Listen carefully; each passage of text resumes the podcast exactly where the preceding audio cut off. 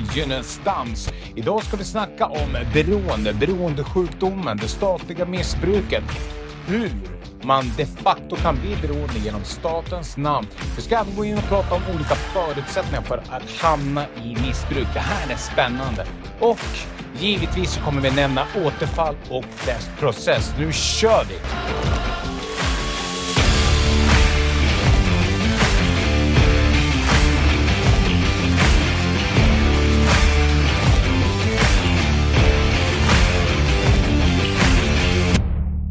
Välkommen till Gynnestams. Idag ska vi ha avsnittet beroende, statligt missbruk och återfall. Det finns en väldigt, väldigt, väldigt bra bok som heter Jaget och missbrukare med Craig Nacken. Och han beskriver i den här boken att beroende det är en patologisk kärleksrelation till en objekt eller en händelse. Och om vi går in och verkligen lyssnar på det där begreppet så är patologiskt, det är sjuklig. Kärleksrelation, det vet alla vad det är. Och sen till objekt eller händelse. Objektet i det här fallet, det är droger, det är alkohol, det är nikotin, läkemedel.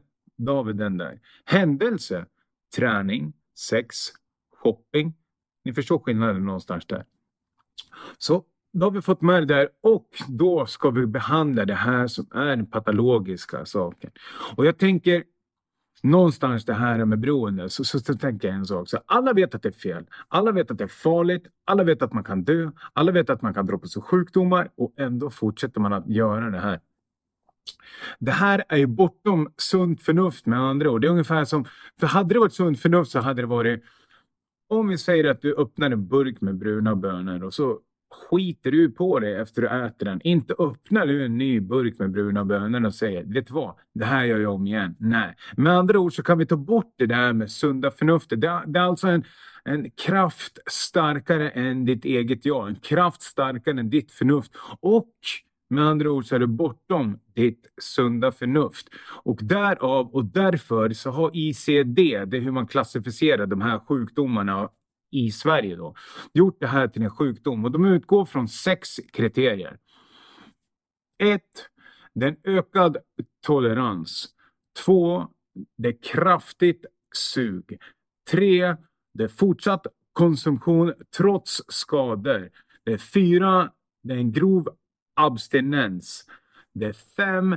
Det är en ökad förlust av hela ditt liv, de sociala konsekvenserna. Med andra ord att det här är mer intressant än allt annat. Sex, du kan inte kontrollera din dag. Med andra ord att du fortsätter, fortsätter, fortsätter, fortsätter. Och alla som inte är beroende nu. Jag ska dra det här nu, hur man kan identifiera sig, hur man kan förstå en beroende om man inte är en beroende. För det är precis som jag säger, om man aldrig har levt i det här, om man aldrig har varit missbrukare, men man kanske har någon i närheten och man står bredvid och tänker liksom, vad, vad gör du för något? Ser du inte konsekvenserna du får? Jag ska försöka förklara det här nu genom en psykologisk resa som slutar i den biologiska konsekvensen, det som påverkar hjärnan med andra ord. Det fanns en man för länge sedan som hette Maslow och han gjorde en så kallad behovstrappa. Alltså en trappsteg där han förklarar behoven som människa. De första behoven vi har, det är mat, det är luft, det, det är andning och det är fortplantning, överlevnad av våran ras. Det här är primära basbehov. Nästa trappsteg, trygghet, säkerhet. I dagens 2023-samhälle innebär trygghet och säkerhet. Det innebär för det första att du inte blir utsatt för våld, givetvis. Att du kan ha en lägenhet att sova i, att du har ett tak, att du har inkomstförsäkringar. Ni förstår, trygghet, säkerhet. Okej, vi går vidare till nästa det är behovet av gemenskap. Och gemenskap det är allt från familj till nära vänner. Inte den här gemenskapen där man kanske går förbi någon och så har ni bråkat hemma med era respektive hela natten. Eller ni, ni har blivit utsatt för något annat. Hallå, allt bra? Där? Jajamän, själv då? Ja, det är kanon. Det där är inte gemenskap. Det där är social kultur enbart. Ni förstår, utan gemenskap det är, det är den här liksom Konstellationen, det här är utrymmet där du kan säga hur mår du? Nej, jag mår inte bra idag. Vadå? Nej, jag har bråkat hela natten med Angie. Jag har bråkat hela natten med Stefan. Jag har bråkat hela natten med min mamma, etc. etc. Ni förstår någonstans vad jag menar. Där det finns en trygghet, en annan form av trygghet, en social trygghet skulle man kunna säga. Okej, okay. nästa trappsteg.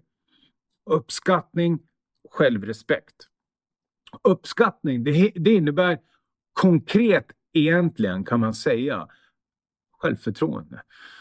Självrespekt, det är också att du kan kolla dig själv i spegeln och säga Fan, det här är bra. Det här gjorde jag bra. Att du kan någonstans leva lite som du lär. Kan alla leva som de lär fullt ut? Nej, det tror jag inte. För ingen är fullkomlig, som Berkeley sa i alla fall, utan det är någonstans att du kan ge och få uppskattning. Det är ungefär som om jag ger dig den här komplimangen. Oh, vad bra du gjorde det där, tack så mycket. Att man kan ta emot det, att man någonstans känner ett mervärde i det man gör. Så när man är inne och touchar på självförtroende slash självkänsla i den angelägenheten. Håll kvar det här nu. Nästa trappsteg, det högsta trappsteget, det kallas för självförverkligande. Självförverkligande är precis som det låter. Att du har, att, att du har förverkligat, förverkligat ditt jag. Att du har uppnått det du vill uppnå. Och sen härrör inte det här Alltså din inre framgång, det handlar inte om den materiella framgången. Det handlar inte om att okej, okay, här har jag blivit miljonär. Här har jag en Rolex-klocka. Här har jag den bilen. Här har jag det. Utan självförverkligande, det handlar någonstans om att du lever i ett jag. Att du lever i ett inre klimat som manifesteras av begreppet lycka. Jag upplever lycka med andra ord. Okej, okay. om vi utgår från Maslows behovstrappa. Det som händer när till exempel de flesta dricker alkohol om man inte har tagit droger. okej? Okay? Och alkohol och droger det ingår i samma. Det är sam, same shit different day. Ursäkta begreppet, men det är sant. Det som händer när man tar droger, det som händer när man tar alkohol. Ni har kanske jobbat hela veckan, jag vet inte vad, ni har bara sett fram emot ett härligt tillfälle och så och så känner man, ah, börjar kännas lättare i axlarna. Leende kommer fram. Fan, det är inte så jävla jobbigt det här ändå. Och vad, vad är det som händer någonstans där? Jo, men det är en sinnesförändring som pågår i ert inre. Bli lite gladare, lite lyckligare, li, lite mer harmonisk. Skratta lite mer. Det där, innan det slår på, innan du börjar dricka för mycket. Ni vet vad jag pratar om. Just det där euforiska tillståndet. När dopaminet slår på. Håll kvar vid begreppet dopamin för det har särskild betydelse längre fram. Och vad är det som händer då egentligen? Om vi säger att man är längst ner på trappstegen. Du har haft en pissdag, du mår dåligt, du har bråkat. Hej och Då har inte du uppfyllt de här... Du är bara nere basbehovet kanske. Du kanske har en lägenhet kvar. Jag vet inte. Du kanske har förlorat den här inre tryggheten. Ni kanske ska flytta isär. Om vi förstår, vi är där nere någonstans.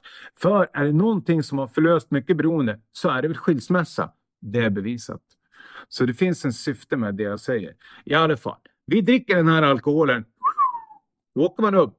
Man känner sig lite självförverkligad. Man uppnår en lycka, man blir glad, det blir sinnesro. Ah, fan vad skönt att ta en bärs och slappna av i soffan.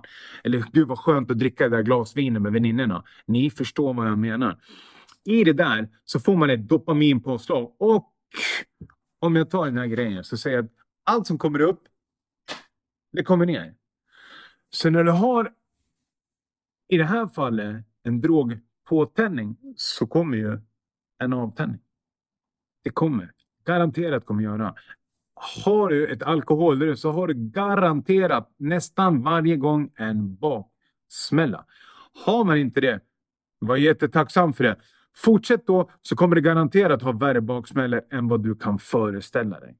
I alla fall, om vi går vidare. Vi säger att här har vi en människa som börjar använda droger frekvent eller alkoholfrekvent. Vad är det som händer? Kommer man uppnå samma? Har ni, har ni sett någon sån här parkbänkare någonstans som sitter och bara säger livet är härligt? Den finns inte va? Kommer den personen uppnå det här lyckotillståndet? Knappast. För vad är det som hänt? Då kommer vi in på det här med ökad tolerans. Fortsätter trots skador fortsätter trots att man inte kan kontrollera intaget. Det är då man börjar komma ner här på trappsteget. Förstår ni någonstans vad jag menar? När man dricker, man dricker inte för att slå på ett rus, utan man dricker för att stänga av något annat.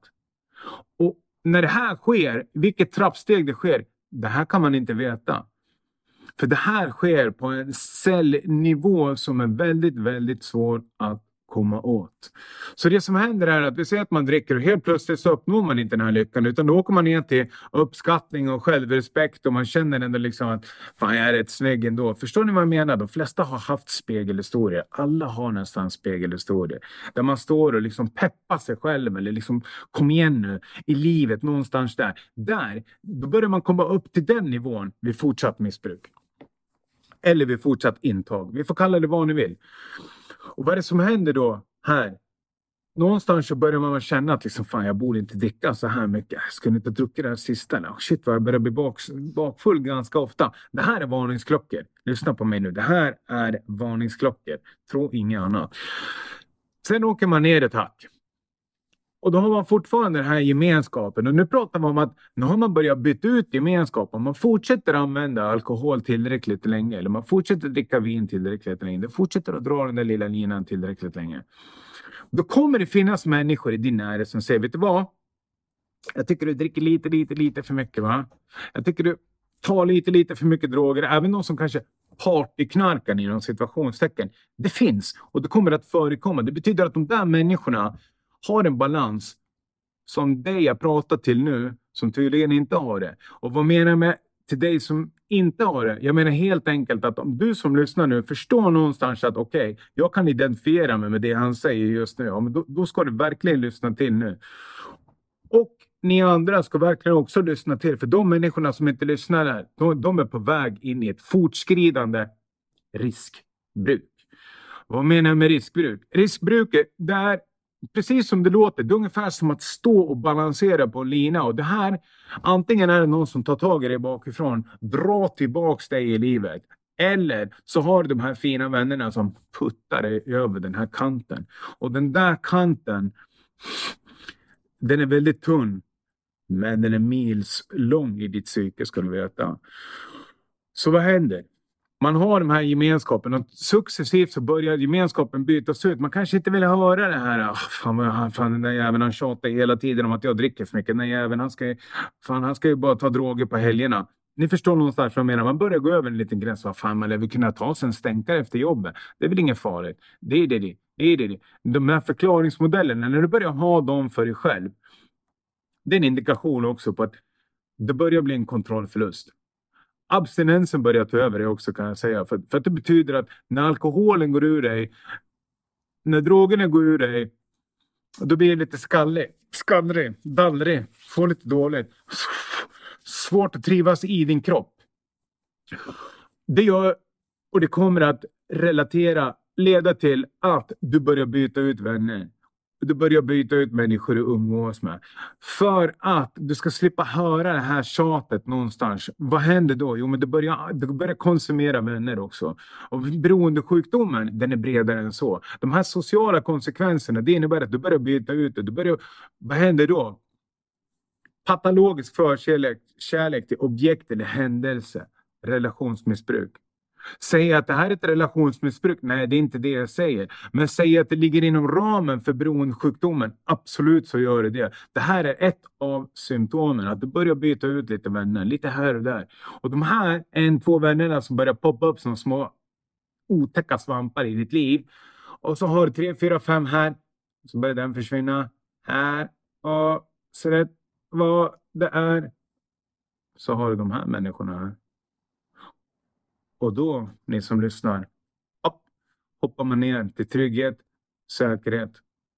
Och vad händer här? Här har vi en människa som har liksom börjat öka konsumtionen. Han har inlett ett riskbruk som börjar gå ut över livet. Du börjar byta ut vänner, kanske börjar sjukskriva dig från jobbet, du kanske inte har något jobb kvar, du kanske skiter i skolan, du börjar, prestationsnivån börjar gå ner. Och där man är inne på trygghet, säkerhet också, om vi går in på det här med du börjar förlora kontrollen av din konsumtion. Då finns det till symptom här. Ökad konsumtion trots skador, trygghet, säkerhet. Hur många har inte i Sverige råkat illa ut på grund av alkohol? Antingen att de har snubblat och skadat sig, vilket är ganska milt om man jämför med de människorna som de facto kör ihjäl sig själv. Eller för att inte tala om de facto de människorna som kör ihjäl andra människor. Eller för att inte tala om de människorna som begår överdos. Eller för de som begår våld och mördar någon i fortskridande bensorus eller kokain, ja, you name it. Ni förstår någonstans vad jag menar. Så när man är där, då går det ganska fort från det här begreppet gemenskap och kärlek. Man har bytt ut det, trygghet, säkerhet, nej. Det här börjar det bli väldigt otryggt. Och trots det här så fortsätter man att använda. Och helt plötsligt, det man sökte i början, det här Resan upp till självförverkligande, resan upp till lycka, endorfinerna, gud vad härligt det här är, vilken perfekt dag är. Helt plötsligt så uppnår man inte det, utan man, man är bara här nere och snurrar i basbehoven. Mat, syre, andning är ju samma sak. Fortplantning, sexualiteten. Tro mig, det som en gång öppnar dörren till sovrummet kommer också stänga den. Hur många har inte uppnått potensproblem? Hur många har inte upplevt oh, andningsbesvär på grund av panikångest? Så helt plötsligt så har du bytt ut det här ah, lyckorus, lyckoruset, dopaminpåslaget till ångestfyllda tankar, ångesttillstånd, potensproblem, sömnproblem, andra kroniska problem, alltså ska man gå in på det här med droger och kolla på liksom centralstimulerande som amfetamin och kokain, som båda, kokain höjer dopaminnivån om jag lyssnar 40 procent till. 40 gånger till. Tänk när den kommer upp, tänk när den kommer ner. Amfetamin tusen gånger mer. Låt det sjunka in. Vad är det som kommer ner då? Och jag menar någonstans, om man ser om man ser livets lycka som en våg så här, så liksom tar man någonting som tillför någonting, ja men då kommer man ju upp här. Så vad händer då om det här var höjden eller det här är höjden? Hur långt kommer man ner då när man går ner här? Ja, det blir så här. Det blir som ett, verkligen som ett urartat EKG och för att prata om det, vad tror ni händer med hjärtat? när ni får ångest, när ni får den här stressen. Man får psykosomatiska besvär. Vad är psykosomatiska besvär? Psykosomatiska besvär det är helt enkelt psykiska problem som påverkar din kropp. När jag har pratat med våldsutsatta barn, så när de återupprepar våldet så har de fått ont här. Vet ni varför de har fått ont här? Nu pekar jag på mina underarmar för er som inte kollar på Youtube. För att de har suttit och skyddat sig så här. Och det är samma här. Det sätter sig i cellminnet. De här gångerna ni bara fan kröt ihop er och allting. Jag ska inte dricka mer så dricker ni så börjar ni slappna av. Till slut har det där uppnått ett fysiologiskt beroende. Så det som börjar som en lycka, det kommer sluta som en olycka. Och jag menar när man är här nere, någonstans så vet alla människor det här då. Då är vi inne på det största allvarliga symptomet här någonstans. Att det finns inget annat intresse än det här. Trots att man vet det här. Trots skador. Trots ångest. Trots alla de här symptomen. Så vad är det som händer då egentligen? Jo, det, det man vet, och det här visste man redan för 20 år sedan, det är att i hjärnan, längst bak, bakhuvudet, så sitter minne. Någonstans i mitten, nu säger vi mitten för, för, för er som bara lyssnar nu, så sitter lustcentra och längst fram i pannan så sitter pannloben. Det är förmågan att tänka nya banor, förmågan att ta nya beslut. Kreativiteten sitter här.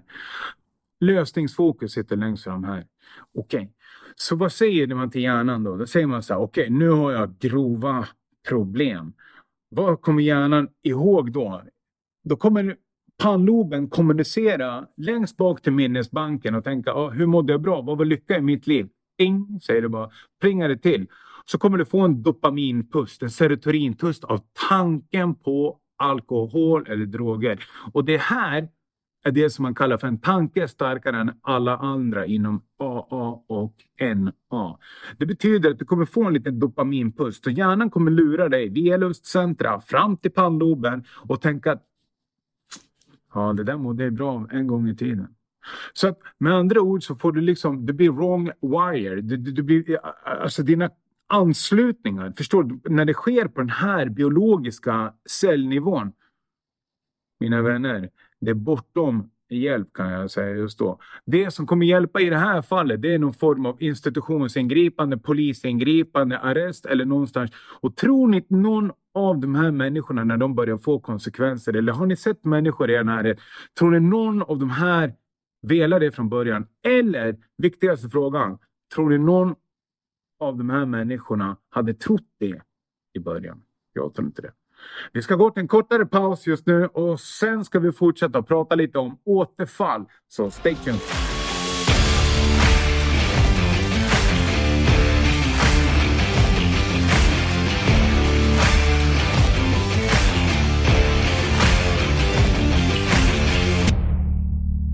Okej, okay, välkommen tillbaks till det här avsnittet. Vi pratar om en resa rätt in i beroende för att man ska kunna förstå och identifiera den här beroendeprocessen. Hur man kan hamna i ett beroende och att dessutom man inte ens hade en tanke på att det skulle bli så här. Jag sa innan pausen att du skulle prata om återfall och det ska vi göra. Jag ska bara gå in på två andra situationer för det, det vi har pratat om nu det är hur man har utvidgat toleransen, hur man har uppnått en cellförändring, för det är det som händer i hjärnan, kroppen, i hela din biologi. Det här är en psykologisk resa. Det är det det är från början, som slutar som en biologisk konsekvens. Sen har vi de som föds i en biologisk konsekvens. Och vad menar jag med det? Jag droppade det här i måndagssnack. Då pratade jag om, jag har en vän till mig. Den här människan, han föds alltså med knarksot i lungorna. Hans mamma blir omhändertagen enligt LVU. Han blir omhändertagen enligt LVU, ursäkta. Jag menar han blir omhändertagen enligt LVU. I alla fall, han är tvungen att läggas in på en avgiftning som nyfödd. Och jag menar, jag sa det i måndagssnack, alltså låt det sjunka in. Vad händer med den här människan då när substansen sinnesförändringen är lika för alkohol, den är lika för droger. Tyvärr så är den så, säger jag i det här fallet. Varför säger jag tyvärr i det här fallet? Jo, för att alkohol är lagligt i Sverige. Det finns ingen som kan säga när han har fyllt 18 år, inte för att alla börjar dricka när de är 18 år, de flesta debuterar långt, långt innan, det vet vi allihopa. Men om vi utgår från det juridiska perspektivet. När lagen, svenska lagen säger till honom, vet du vad? Nu kan du dricka alkohol. Vad händer då? Klung, klung, klung, klung. Första, det, det måste någonstans vara som att hitta hem igen. Jag menar, om man är född i det tillståndet, den människans förutsättningar, den här genetiken, den här ärftligheten kontra den här människan som har två föräldrar som inte lider eller har lidit av ett beroende. Jag menar, det, vi har och vi föds inte i samma förutsättningar. Det tycker jag att det där fallet är kristallklart när vi utgår från det. Om vi drar vidare här och pratar om statligt beroende, statligt missbruk. Vad är det jag menar med det egentligen? Vi har genomgått massa reformer i Sverige. Psykiatrireformen redan på 90-talet etc. etc. framåt och så. Och, och, vi har gått mer ifrån att vara ett själsligt vårdande land. Vad menar jag med det? Jo, jag menar helt enkelt att kommunerna i Sverige, regeringen, det är mindre anslag för att bedriva vård än vad det är för läkemedel.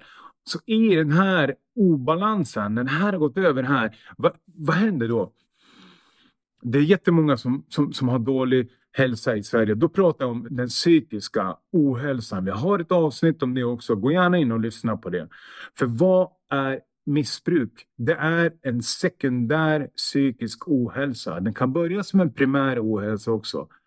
Jag menar att man försöker dämpa, ta bort stressen, ta bort tankar, ta bort allting. Och för att dämpa, det är det här som är det sjuka. När man dämpar den psykiska ohälsan här, rätt vad det är så går det runt. Och det är det här som kallas för beroendecykeln. Det blir ett äckligt ekorrhjul. Okej, okay. vi går tillbaka här. Vi har en människa här som har problem. Väldigt, väldigt stora problem i sitt inre. Och den här personen dricker inte alkohol, okej? Okay? Utan den här personen vill verkligen ha hjälp. Den här personen vill verkligen komma ur de här tankarna, komma ur de här känslorna, gå ut ifrån sin kropp. Men personen klarar inte av det frågan, så den kan ta, ta kontakt med hälso och sjukvården och beskriver det här emotionella, mentala problemet. och kommer in till en läkare då, inte en psykolog, notera vad jag säger. Och den här läkaren säger, vet du vad, jag ska lösa ditt problem. Här har du. Så skriver de ut ett recept, här har du Prozac, jag vet inte vad det heter, Zoloft etc. You name it. Jag vet inte vad. Du får Sobril, du får Stilnoct, du får Rohypnol för att kunna sova, för att kunna dämpa. Med andra ord, bensodiazepiner, det narkotikaklassade läkemedel. Så vad händer då med den här personen som lider känslomässigt? Jo, det blir en direkt snabbkurs. Det blir omedelbar behovstillfredsställelse. Och vad är en människa vill uppnå som sitter med en nål i armen när de skjuter in här? Det är omedelbar behovstillfredsställelse. Det är en kick. Det är omedelbar sinnesförändring. Det här snackar vi med fördröjning på några timmar om det kommer till råhypnol för att det verkligen ska slå in. Då. Sen vissa andra läkemedel, det kanske går in på någon dag. Spelar ingen roll, den människan kommer må bättre. Och vad bra, då har vi verkligen botat det här problemet. Eller har vi botat det här problemet? Nej, nej, nej. Du har skjutit upp det här problemet. För vad kommer hända med den människan? Den människan, vad jag vet, jag ska säga det kort först. Du kan inte bota ett emotionellt problem med kemi. Det, det, går inte. Men vad kommer hända? Jo, du kommer få kemiska känslor. Vad menar jag med det? Jo, du kommer uppnå någon form av kemisk lycka. Du kommer få dopaminer. Du kommer få mindre stress. Du kommer få serotonin på konstgjord väg. Om du får någonting på konstgjord väg, vad säger din biologi till din biologi då? Alltså till dig själv. Nu lät det lite snurrigt, men det kommer komma en bra konklusion ur det hela. För att ta ett exempel, vad händer om du tillför testosteron till din kropp? Människor som kroppsbyggare, vad vet alla om dem? De är stora, de är svällda, men vad vet de också? Konsekvensen är att de får mindre snopp, testosteron, de kan få mer större pattar, som inte riktigt vill ha Men andra och de får det här begreppet bitch tits. Vad är det som händer då egentligen? Jo, du tillför för mycket testosteron så kroppen söker alltid balans. Gör den. Då tänker kroppen så här, okej, okay, jag behöver inte producera mer testosteron nu. Vad behöver jag producera? Mer östrogen, för, för kroppen är smart. Kroppen är väldigt smart. Så blir det en överproduktion av östrogen, kvinnliga hormoner. Och då när man tar bort testosteronet, vad händer då? Då är det mycket östrogen kvar. Så där är konsekvensen. Jag ska förklara det här ännu, ännu, ännu tydligare. Om jag skär mig själv lite här i fingret nu, inte kommer jag göra så här simsalabim, pang, tjong, läk. Nej, kroppen sköter det själv. Så med andra ord, om kroppen sköter det här själv, om du är olycklig, då kanske du producerar 10 centimeters behållare av dopamin när du egentligen ska ha 20 centimeter. Vi, le vi leker med, med de här begreppen för att den enklast ska förstå. Om vi säger att den här människan som är olyckligare har bara 5 om man tillför en kemisk väg då med resterande fem, vad kommer hända med de initiala fem då tror ni? Ja, den blir ännu mindre. Typ som jag beskrev den här vågen, det som kommer upp eller kommer ner kommer det bli värre. Så vad händer då? Man har inlett ett statligt missbruk. Och vad menar jag med det? Jo, det här finns inget ansvar i det här, i min mening. Och varför säger det här? Säger att staten gör fel? Säger att den gör det? Nej, nej, nej. Det här är lagligt. Det är absolut. Utan det, det, någonstans så får det landa på ditt, ditt val som människa inte göra det här. Men, men om man inte vet det här, om man inte har den här kunskapen om missbruk, utan man går dit för vad då? Varför går man dit? Jo, för man vill ha hjälp. För man är olycklig, man vill bli lycklig. Och vad lever vi för samhälle? Vi lever i ett i ett, i ett produktivt samhälle. Svenska samhället idag, det är väldigt mycket liksom tid är pengar, tid är press. Du har inte råd att vara sjukskriven. Priserna, priserna äh, äh, går upp och inkomsterna går ner. Vad händer då? Nej, jag har inte tid med det här. Ta det här pillret så mår du bättre. Du har inte råd att vara sjukskriven.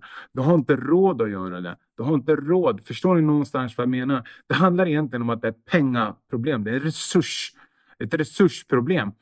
Och jag menar, hur vore det egentligen om, om liksom staten, regeringen gick in och gjorde liksom, vände på hela den här cykeln och liksom, vet ni vad? Istället för att skriva ut de här burkarna med narkotikaklassade läkemedel så ska vi satsa på människan i samhället genom att anställa fler psykologer, genom att göra det gynnsammare att vara sjukskriven, genom att kanske klassificera psykisk ohälsa som WHO har gjort med beroendesjukdomen. Alltså att ett sjukdomstillstånd. För vad är beroendesjukdomen? Jo, det är en psykisk ohälsa. Det är det man kan kalla det för i alla fall. Nu har jag dragit två historier här nu. Jag ska prata lite om, om återfall också så ska vi avrunda det här. Jag ska dra det här genom en berättelse. Det var en man. Han hade, han hade problem med hjärtat. Väldigt, väldigt stora problem med hjärtat. Och han gick till affären. Han köper en Red Bull. Red Bull är inte bra. Varför gjorde han det? Han var trött. Så han tog en kortare väg. Lyssna vad jag säger. Han tog en kortare väg. Okay. Han dricker upp den här Red Bullen. Han tar det här kvittot, han stoppar ner det här, han tänker jag ska gå och kasta, jag ska gå och kasta den här burken någonstans. Och så hittar den inget ställe. Han, han, orkar inte tänka för länge på vad fan är soporna. Ah, jag kastar den här på marken, det är någon annan som tar tag i den här.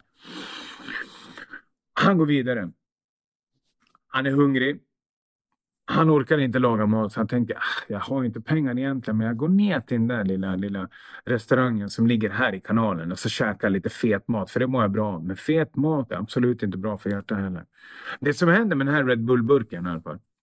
När han kastar den på gatan då är det en bil som kör över den här. Det går en man längre bort vid kajen här och han, han tänker vad fan.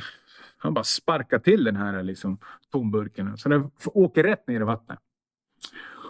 Och när den åker ner i vattnet så kommer det två grabbar och åker dum, dum, dum, sån här vattenskoter. Och de åker rätt in i den här Red Bull så att de svänger åt sidan och de flyger rätt in på den här restaurangen som ligger nere här i kanalen och kör ihjäl den här mannen. Vad menar jag med hela den här historien? Jo, återfall, det skapar du själv. Det är inte meningen att du ska ta det här återfallet, men någonstans där så puttar du lite, lite, lite, lite på ansvaret. Du tar små, små, små, små beslut som till slut leder till att du får en stor konsekvens. Och beroendesjukdomen, den tar inte hänsyn till hur du mår. Den kommer inte ta hänsyn till hur du känner. Beroendesjukdomen kommer inte ta hänsyn till din plånbok. Det kommer inte ta hänsyn till någonting. Beroendesjukdomen, den är. Förstår ni vad jag menar med det? Den bara är, den är konstant, den bara finns där. Och den är kronisk. Och den går att komma ifrån. Men när man har kommit ifrån den där, då behöver man fatta de här ansvarsfulla besluten för att bibehålla en nykterhet. Återfallsprocessen. Det finns en väldigt, väldigt, väldigt bra bok. Återfallsprevention med Gorski. Otroligt bra. Och där inne så kan man kolla på symptom för återfallsprocessen. Och det är liksom att känslomässig obalans. Ja, det där är en väldigt, väldigt stor känslomässig obalans. Här. Det är en förvirring av tankar, förvirring av upplevelser, förvrängda minnen. Det är väldigt, väldigt, väldigt svårt att sova. Du har väldigt, väldigt svårt att koncentrera dig. Allting det här handlar någonstans om att du, du, du är inne i en återfallsprocess. Kan det vara. Det kan också vara så att du bara tolkar det här som återfallssymptom så att du måste göra någonting. Och vad är det man vet? Det man vet genom all forskning är att struktur, precis som människor som lider av ADHD, struktur är oerhört viktigt för att man inte ska ta ett återfall i alkohol eller droger. Med andra ord att man håller sig till sina rutiner. Och det, det, rutiner är tråkigt, men det är viktigt att ha tråkigt. För den gången man ska ta en snabbare genväg till lycka. Kom ihåg då Maslows behovstrappa. Det finns inga genvägar till lycka. Den här lyckan, det kanske tar längre tid, men gör inte din lycka din egna lycka inifrån ut. Så tro mig så kommer man uppnå en lycka. Svamlar jag om det här? Uttrycker jag bara det här? Nej. Been there, done that. Helt klart levt som beroende. Jag är helt klart en beroende person som uttrycker det här. Jag har helt klart begått ett grovt återfall och kommit därifrån. Jag hoppas verkligen att ni uppskattar det här avsnittet. Jag hoppas verkligen att ni har fått med er någonting. Kommentera gärna, dela gärna med er. Gilla den här kanalen. Fortsätt göra det så ska vi fortsätta med riktigt bra avsnitt. Och tack för alla kommentarer. Tack för allting. Stay tuned. Peace.